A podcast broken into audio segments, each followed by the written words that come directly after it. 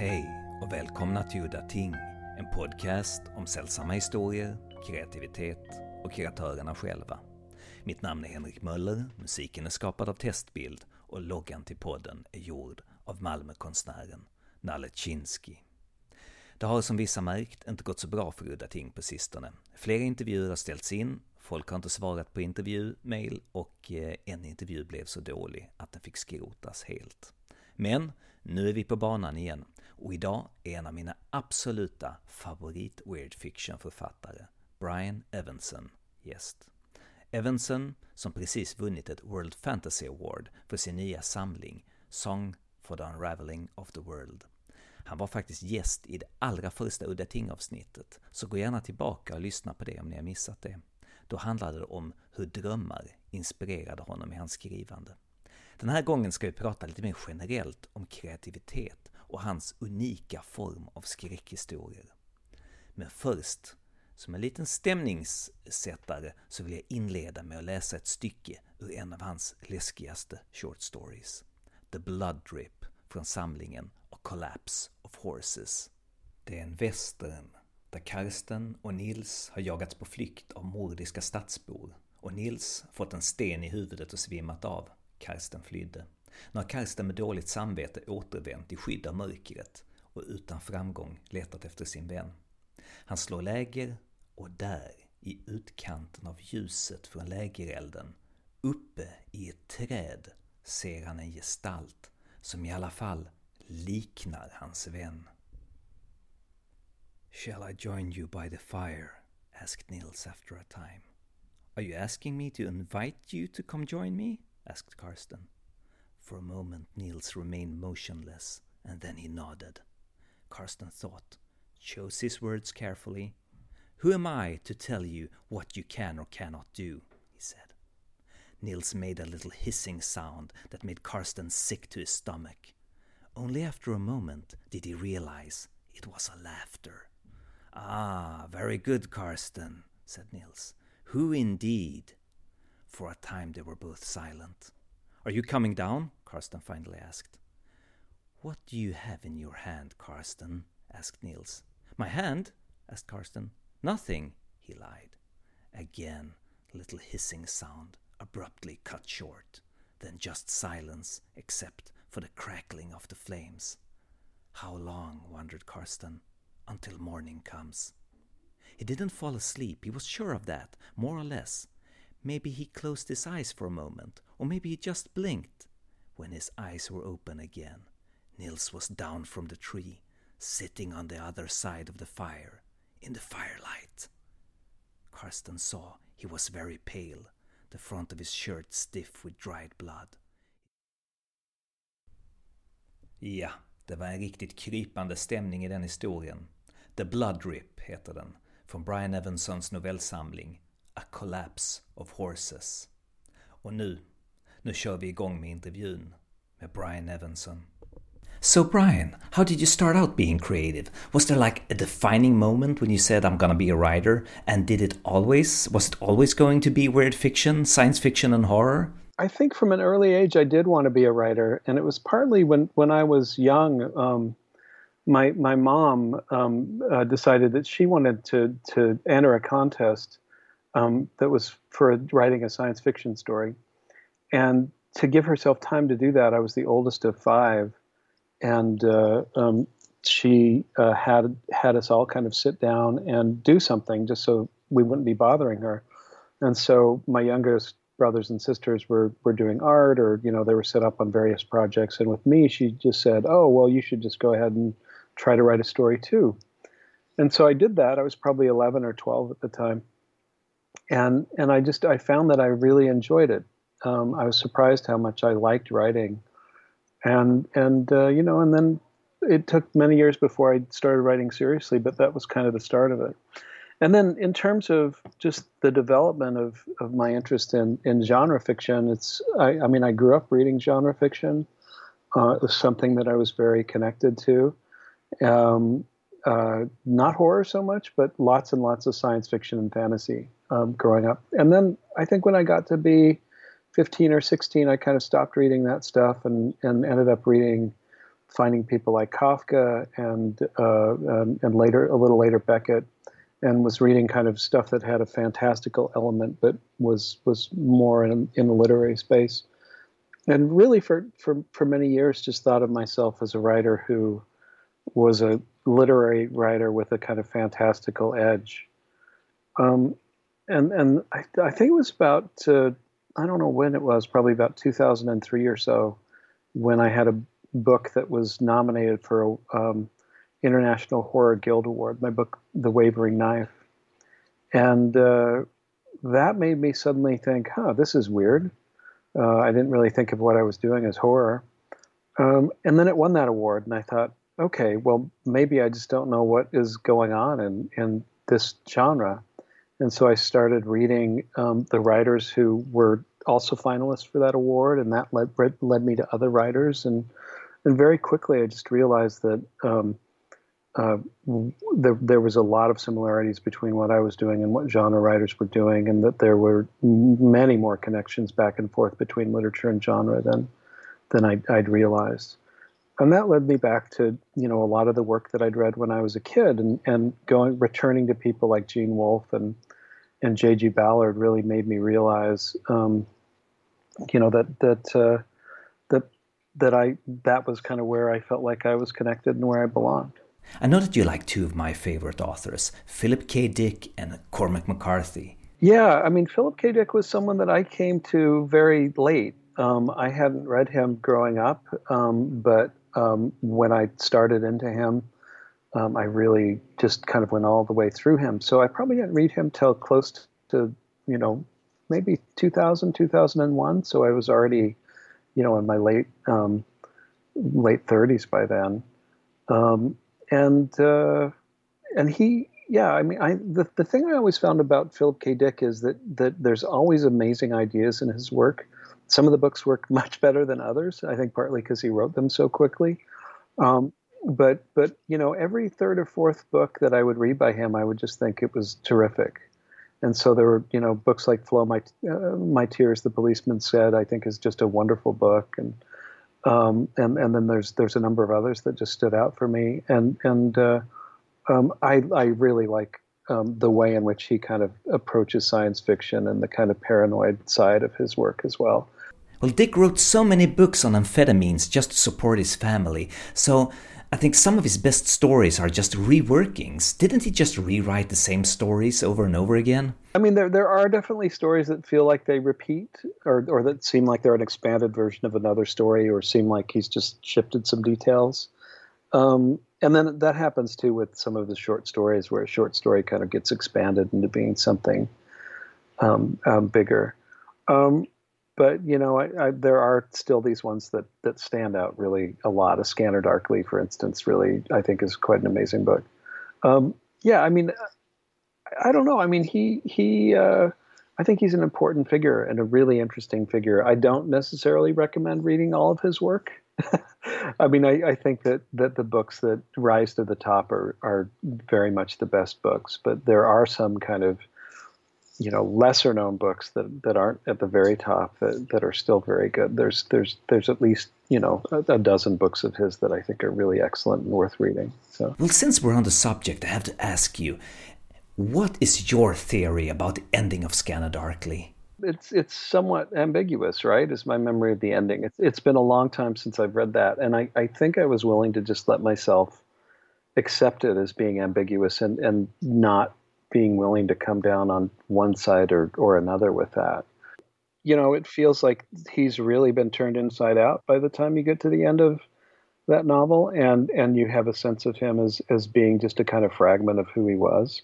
But there is still that kind of moment where um, he seems like he he's he's still trying to continue on with his work. oh well, I just I think you can't tell when he's um, I mean, he when he's kind of hiding the the, the flower uh, in his shoe, whether it's um, uh, it's it's something that's just kind of like almost like unconscious behavior because he's been playing this role for so long, or if he if he's really kind of succeeding at doing what he's doing. I I kind of like Dick um, maybe the the most where he kind of puts you in this place where you feel somewhat conflicted about what to think about things, where where it's not a a clear ending, and he he does. I mean, I think that's there's a little bit of a you know a pessimistic streak in him that um, or, or you know, a, a, kind of anti-institutional streak that that ends up kind of being interesting. Um, and then and then uh, Cormac McCarthy um, is someone who I discovered um, uh, right around the time when All the Pretty Horses was coming out. But I actually read Blood Meridian was the first book I read by him, and and uh, um, I just it was really not like anything I'd read before, and and also you know the idea of having some some a writer who was kind of working in a space that you would think of as as a as the Western genre, but who was super conscious of language and and you know very careful in terms of what he was doing with words was was really um, remarkable. And Blood Meridian in particular, I mean, was you know the, the language of that book and, and the kind of gestures of that book and the you know what he does with figurative language and it just just really um, blew me away when I first read it. Uh, and that led me back to his book Outer Dark, um, which I think is is almost a perfect book. I really love that book, um, which is different, kind of you know set in in in uh, uh, Appalachia um, rather than in the West. And and just from there, I kind of went on to to to look at and read everything. So I was actually the first Cormac McCarthy conference uh, um, that they held. I, I, attended that as a as a graduate student, and and uh, you know wrote a paper on him, and and just I've I've remained pretty committed and, and interested in his work as time has gone on. Less so the the the the um, the you know the books, all the pretty horses and the crossing, and and uh, you know that trilogy um, than the stuff that came before that. It's interesting because I've never had a problem with his writing. I mean, like, for example, that he would have a full page of description without punctuation. Yeah, well, yeah, and I think that's you know, stylistically he's doing something very particular with that, and I think it, it is very intentional, and so I don't have a problem with it either, just because I feel like he he he knows what he's doing and he's doing it very deliberately. Is there any other writers that made an impression of you in adult age, so to speak? McCarthy was someone I came in into when I I was already kind of fairly grown up. um, but uh, I, I, think you know there have been lots of writers that I've come across kind of in more recent years that have been important to me. Um, uh, Mur- Muriel Spark um, uh, is a writer who I hadn't read till you know maybe 15 years ago, and um, um, I just thought that she was um, really really amazing and really really kind of remarkable as a writer um, and and did things that were interesting. Yeah, I mean, she she's funny. She wrote a book called The Prime of Miss Jean Brodie, which is just about a bunch of girls in a girls' school, but it's it's really nicely done. And then she has some other books that are are just um, you know for me even more impressive than that book. So, and it's not the kind of book that that you would look at me and think, oh, I can see how Brian Evenson was influenced by by Spark, but I, I do feel like uh, it's been a huge influence. And then, I mean, the the thing just recently, I ended up reading, um, going through all of, of Algernon Blackwood's stories. And I'd read The Willows and I'd read The Wendigo um, and had taught both of those actually at various times. Um, but I hadn't really kind of moved into looking at the other stories. And, and I just started reading them and, and, you know, just went through the, you know, pretty much every story of his I could find um, and and really you know found that really helpful and, and very influential on a few stories that I was working on, um, which is maybe the the reason I started thinking about him was I just felt like there was something about his way of thinking about nature and and the supernatural in relationship to it that that could be useful to me. Um, and then probably the biggest influence of um, the last um, decade or so on me has been Robert Aickman and reading reading reading his work. Um, I just I think he's he's such an impressive writer of strange stories, and and you know has this ability to write something where you you feel like something very strange is happening, um, but it's hard to pin down what exactly it is. Kind of create a sense of suspense or urgency without you know, in, in ways that are very subtle and very strange. I'm a big fan of the hospice, but is there any other stories you could recommend that are in the same that have the same sort of quality? A lot of stories of his that are in that class. That's that's one of my favorite stories of his, though. I mean, I really like the hospice quite a bit. Um, but uh, I, I, mean, I, I, there's there's one called "Your Your Tiny Hand Is Frozen," which I think is is really terrific, um, and in in which you you know, and it's also very simple in some ways. There's uh, a story called "The Trains," which has certain things that I think if you like the hospice, um, there's aspects of that you'll like. There's some very weird moments that are just never explained exactly, um, that just happen.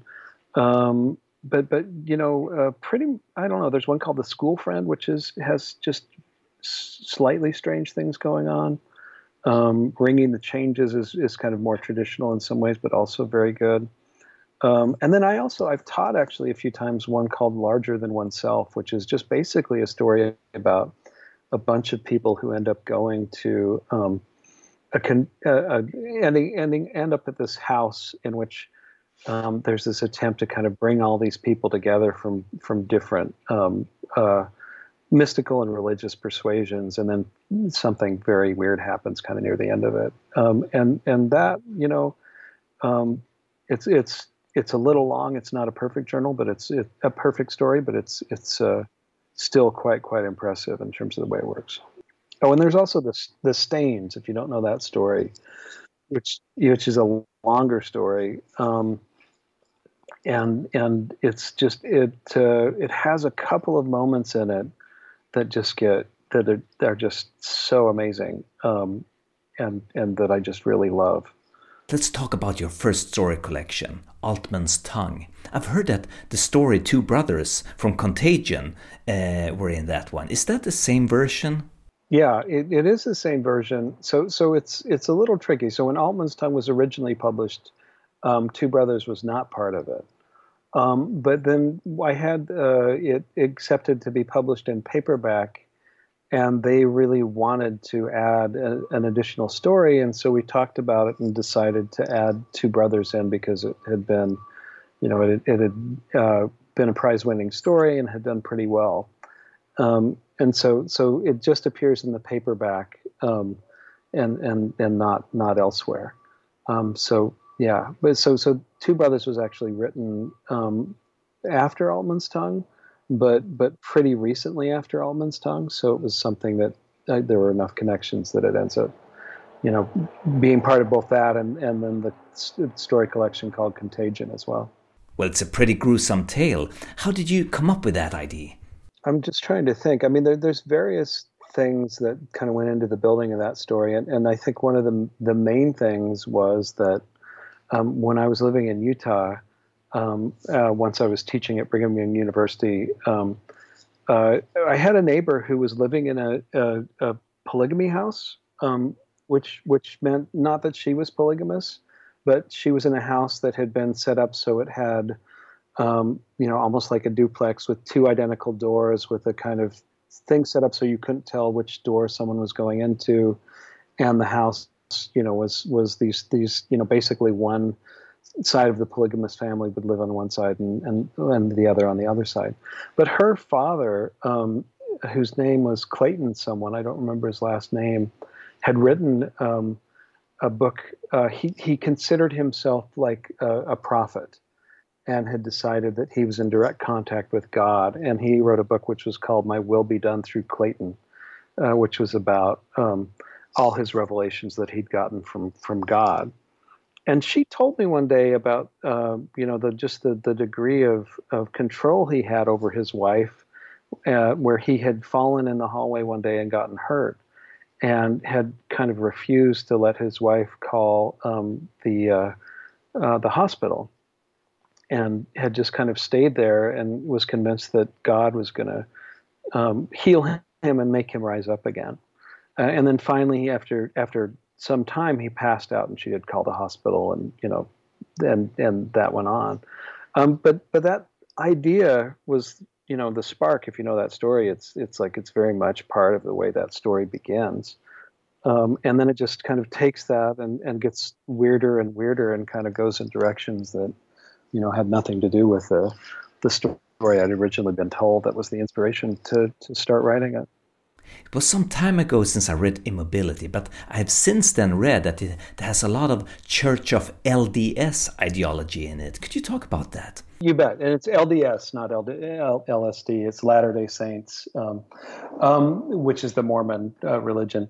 So, so yeah, I mean, that, that book is set in Utah. Um, and, and so it ends up being a, you know, it's a post apocalyptic novel that's, that's set in Utah and there are if you if you're from Utah or grew up in Mormon culture, you probably know um, a lot of the details of the places he visits. And I think if you don't, I mean, I think it's you know, there's no reason that you can't read that without knowing, um, you know, and, and not know kind of what's being talked about. Um, and I think it still works, but I think if you're Mormon, there's there's some very specific things. So, for instance, there's uh, the Granite Mountain part of that book, um, where they go, um, you know, up, up. It's this kind of um, uh, facility which was it's it enclosed within a mountain, and um, and that's something that is, uh, you know, where the Mormon genealogical records used to be ca- uh, kept, and and then also. Um, uh, the place where the, the, the kind of library that's underground where the book begins is um, a, a, kind of ruined version of the library at Brigham Young University, which is, uh, you know, the university I, I, I, taught at and kind of was um, asked to leave at a certain point because I, my philosophy was not Mormon enough. So, yeah. So, and this, this happens, I mean, that book in particular, I think is, can be read both as, you know, as just fantastical and as, for someone who knows that culture, you, you start to see these other things and and get kind of other perspectives on what's actually going on. I think I see a lot of similarities between the war and, and immobility. It's like it's that same theme of religion and what the powers that be tell you the world is like and what the world is actually like. I, I, I think when I was writing Immobility, um, I had a, a, an idea for a sequel for it. Um, and there's little hints of it in, in Immobility. Like there's a moment where he he has these this strange encounter that almost feels like a dream um, with with you know these these strange strange beings that he doesn't quite he can't quite uh, understand. Um, but I, there was always has been in, in, my head this idea that I have a that I do a sequel, and I, I kind of have a lot of notes for that. I just haven't gotten around to doing it. And then when I wrote the Warren, I I felt like it's it's not exactly the same world, but it, it feels like um, you know it's kind of like an alternate reality um, of um, immobility, but but much farther in the in the future. It feels like to me, and so so it definitely is kind of meant to to to feel connected to that. Even there's even a name that kind of is is connected as well. Um, and the the new collection I I um, have in the works um, which is called uh, The Glassy Burning Floor of Hell, um, is, which is coming out in August of 2021. Um, that has a story in it which um, is is kind of connecting um, stuff in in immobility um, to um, you know this a, a possible way in which you could kind of continue the book. Have you seen the TV series, the new TV series Raised by Wolves? I, have not watched that yet, but I've heard that I, I should. I've, I've heard very good things about it. Well, it's good. It has that sort of thing that I find in your novels, like The Warren and Immobility, that you start out knowing almost nothing about the world, and the world sort of expands before your eyes as the story mm, goes on. Yeah, I'm, I'm particularly happy with The Warren. I'm, I'm really glad with the way that book came out. And it's a very strange book in some ways, but it, it also um, yeah, it, I think it really works in, on its own terms. Could you talk a little bit about the Warren? One of the things I had very early on was this notion of someone who who was not exactly sure who they were, and who kind of kept on going through these transformations. Um, and and so of course, I mean, in this book, what one thing that happens is is the main character who's telling you the story uh, is is is kind of more than who he he thinks he is and so he has kind of he has memories that he only has access to in certain states and and kind of his his uh, kind of control of himself is something that kind of keeps on being changed and compromised in various ways.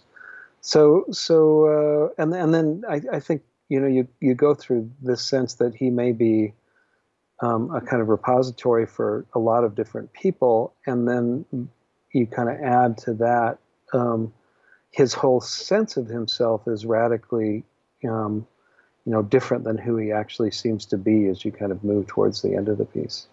And so, so yeah, that that uh, that gesture, of kind of where you keep on stripping away um, um, layers of certainty, is something I really like to do. But also, it's so much about him figuring out the mystery of of who he is. Um, so it kind of has almost a noir structure that way, even though um, it's you know very much a, a piece of science fiction. It just seems to me that your most subversive works are published by coffee house books. Is that true? well, they, have been very good at, at, wanting to publish my story collections, and so um, I, I, feel like uh, I can approach them about publishing a book of stories, um, and and they seem to be game um, for me to do you know very strange things. And so I, have you know I've done a couple of story collections with them that just mix um, very different um, uh, uh, kinds of work. So so like um, you know Song for the Unraveling of the World. I mean I think it has a kind of um, fantastical element throughout and a horror element that's strong, but it's also like there's lots of different sorts of stories kind of in it. And uh, and yeah, I mean, it's it's hard to find um, people who are keen on publishing story collections, just because there's this myth in the publishing world in America that novels sell much better than story collections, which I, I think is is just that. It's a it's a myth. I think that you know it's it ends up being a kind of self fulfilling prophecy. If you if you believe that novels are going to sell better than story collections, then you end up marketing them in a different way and and and you know, and and and making sure that they do. Um, but but Coffee House is like has always been. We'll publish any story collection of yours you want to do, um, which has been just wonderful for me. Um, and they also haven't minded if I've published um, uh, novels with with with other places. So so Immobility was published at Tor, um, which just seemed like a really good um, place for it. I would, since it is very much a science fiction novel, and Coffee House said they would publish it. Um, they were they were they liked the book and were excited about it, but I was really curious to see what would happen if I published a book on a press like Tor that's mainly does science fiction. I just thought there'd be a different set of readers that would respond to it, and that if I published it on Coffee House, they would see it as you know innovative, fantastical literature, but but maybe not um, um, exactly as science fiction. I heard that the open curtain was inspired by a dream you had. Yeah. Um, so so I, I did have well there there are two dreams that come to mind when I think about the open curtain, and one was um, I had this experience once where um, I was lying in bed and um, and uh, um, felt like I was awake, but maybe was asleep, and and found I couldn't move, and and someone came to the door of my room, which is which at the time was a sliding door, um, and slid it open so, slowly and just looked in at me, and and it was this kind of figure that I, I was very hard for me to make out, and and uh, uh, that that I think was was was important. And then also, I mean, I, there, there was this experience I had of, of having a dream where I looked in a mirror and and didn't recognize myself in the mirror. Um, and and I, I think that you know has been kind of something that that that whole sense of like being alienated from yourself or or not knowing yourself or feeling like you're, you're there's a wrongness uh, uh, to reality is something that I think is through a lot of my fiction. My favorite story collection is A Collapse of Horses, and I read somewhere that somebody said something that, that I wonder if Evenson has done a lot of research into psychological torture. is that true? You know, I, I don't know that I did like a lot of formal research, but I, I do read a lot of of, of, of texts about um, psychoanalysis and and and also you know I, I read about uh, um, um, psychosis and treatments for psychosis and things like that. So that is something that probably is in the back of of, of um, what I'm doing. But uh, yeah, I don't know that I've I've I, I, I don't know. I mean, I think that I, I think a lot about the way in which humans kind of prod at one another or or mess with one another. And then also, I mean, I think with with all of my work, it's like one of the reasons that it's frightening is because I write about um, things that that I find frightening, and and really try to to to tie into to feelings that I've had about you know certain things. And for me, I mean, one of the most frightening things is is that that idea of reality as something that's not what you thought it was or that's slipping away or or you know that that moment when you just feel like the ground beneath your feet is gone. Um, that title story is is based on an experience that my my wife and was we weren't married at the time but the woman who become my wife and I had uh, when we were in San Francisco and we were walking through Golden Gate Park. And in the middle of Golden Gate Park there's a horse paddock. There's a bunch of horses and we just happened to come across it at a moment where the horses were all lying down.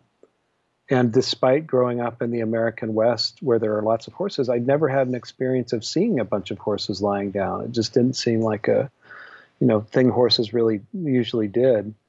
Um, and and there was a moment where we were just far enough away that I couldn't really tell what was going on, and um, the horses weren't moving, and I thought, you know, for just a brief moment, I thought, oh, something terrible has happened.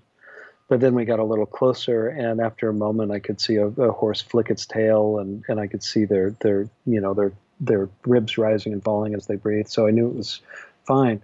Um, but so that story kind of started by thinking about, all right, well, um, you know, I I waited and, and saw what was actually happening here, and I have you know a certain kind of personality that demands that. But what might happen to someone who who didn't wait, um, and and who just ends up being haunted by this experience? The title story, yeah, Collapse of Horses, that's really uh, ambiguous.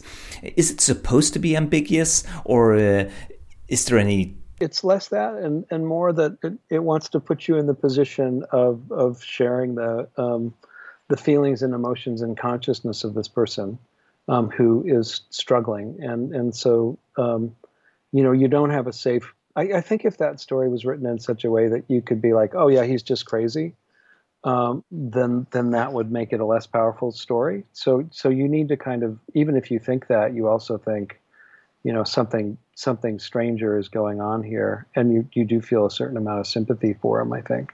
In your research into psychosis and treatment for psychosis and uh, psychology in general, did you find anything that you found useful in your work? A lot of stuff um, that, that, disturbed me or was useful in, in my work. Um, you know, and also I, I spent a lot of time looking at things like like DSM-4, which is the Diagnostics and, and Statistics Manual for the psych, uh, the psychoanalytic or psychiatric community, where they you know talk about different kinds of, of illness and and how you can kind of diagnose them.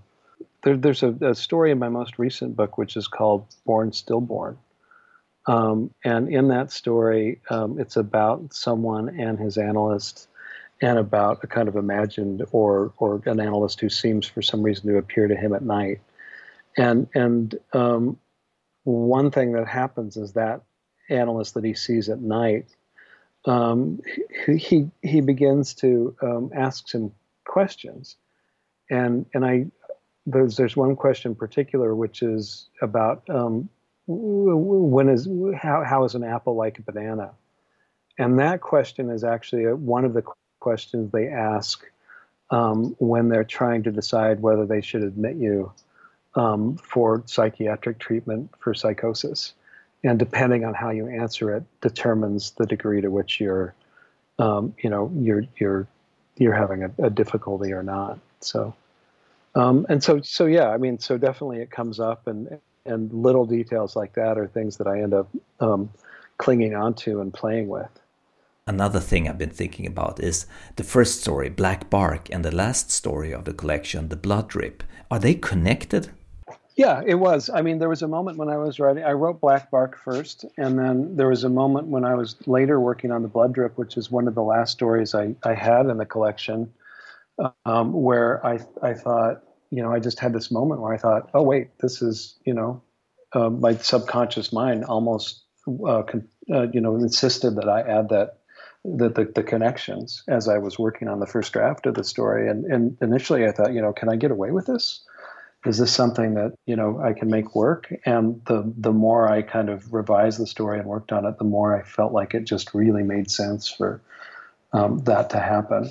And it's as a result, you have each story kind of stands on its own individually, but also um, if you know the other story, um, then there ends up being um, you know interesting echoes back and forth that maybe lead you to read um, to, to notice slightly different things about them. The Blood Drip always reminded me of this short film by Robert Morgan called The Cat with Human Hands. And for those who would like to see The Cat with Human Hands, it's available on YouTube, so just go, go over there and search for it. How did the dust come about? Um, so, so that story uh, started by, um, um, you know, I, have always loved this um, Sean Connery movie called Outland, and um, I, I, just thought about that story quite a bit, um, which is this kind of interesting kind of transfer uh, where you, you have a, a, kind of weird combination of a western and a science fiction story, and and I just I felt like there were ways in which I you know was could play around with that story. Um, um, and, and make it do kind of different things. And, and so I really began with that and, and kind of pushed it in different directions and became very interested in this idea of being in a situation where oxygen was seemed to be diminishing and also where um, people weren't sure if there was something consciously fighting against them or not. Um, and so so it just it really started with with kind of my love of something else and also just thinking about where that the some of the basic ideas in that other story um, could be made to go how they could be kind of uh, messed with. I'm very curious. I haven't read your aliens novel but uh, what's that about? Could you tell me a little bit about the story of that? That was uh, something i got asked to do and and i end up writing um, you know, stories sometimes under the name B.K. Evenson um, as a way of uh, uh, just just as a way of kind of distinguishing between my um, the stories I do as kind of contract stories and the, the you know, stories or novels I do as contract stories and those that I do that are are kind of more connected to me. Um, yeah, I mean that ends up being about um, uh, you know, it's set in the in the alien universe. Um, you're not allowed at this point to use Ripley if you're writing an alien novel um, because she's already been used enough. Um, and so it's just about a kind of crew who kind of stumble into contact with with aliens, and almost everything goes wrong with them, and and uh, a few survive, but not very many. It's called Aliens No Exit, and uh, one of one of the the fun games that I played with myself when I was doing it is I No Exit is a, the title of a Jean Paul Sartre play. And uh, uh, there's lots of kind of references to existential thought and, and, and some direct quotes from, from various people as well in there.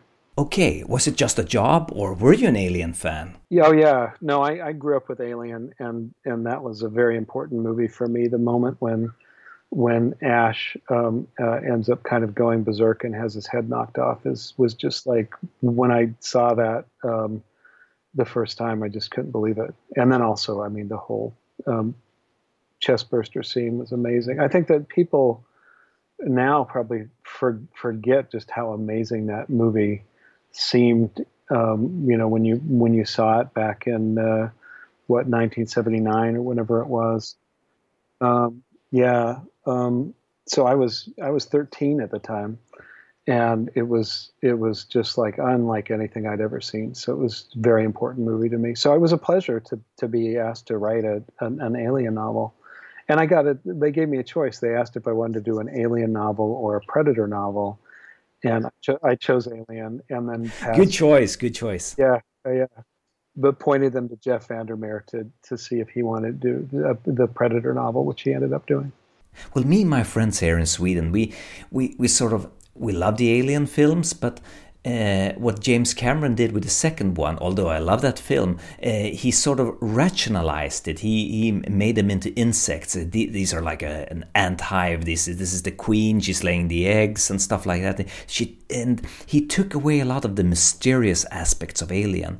And the thing that we're thinking about is uh, we want to bring Alien back to H.P. Lovecraft. Do you, do you know, would you agree to that? I, I think I, I really did love the mysticism of the first film and and you know I think that the Giger set designs are really great as well, and and and yeah, I mean I do like the. the, the so I often teach Alien um, in my horror class, and I teach it almost as a haunted house in space movie, and so I and I think it's very satisfying to to teach in that way, and I I do agree that like it's it's much more fun the less you know about the aliens, you know, and where they keep on transforming, and it just you know it gets a little ridiculous, I think, as time goes on for whatever reason. well, just to wrap up the whole thing, uh, I want to ask you do you have any contemporary writers that you find scary in horror? I really like Laird Barron's work, uh, and he and he his his stories. Um, um, uh, he's he's one of the only people that kind of consistently I find scary um, and and you know the only one that I find really haunting. Um, but there's there's you know his first three collections, in particular the Imago sequence, Occultation, and the beautiful thing that awaits us all, um, are just all have really great um, pieces in them. Um, I'm, I'm trying to think of what would be the one that stands um, uh, out most for me. Uh, there's a story in the beautiful thing that awaits us all. Oh, which I just really loved, um, which is about um, called Blackwood's Baby. Um, that's that's just really yeah the stag, um, which I think is quite quite good. Um, but there's other other pieces as well in that that I think are just incredibly good. Yeah. Ja, det var allt för den här gången. Mitt namn var Henrik Möller. Musiken är skapad av Testbild. Hej då!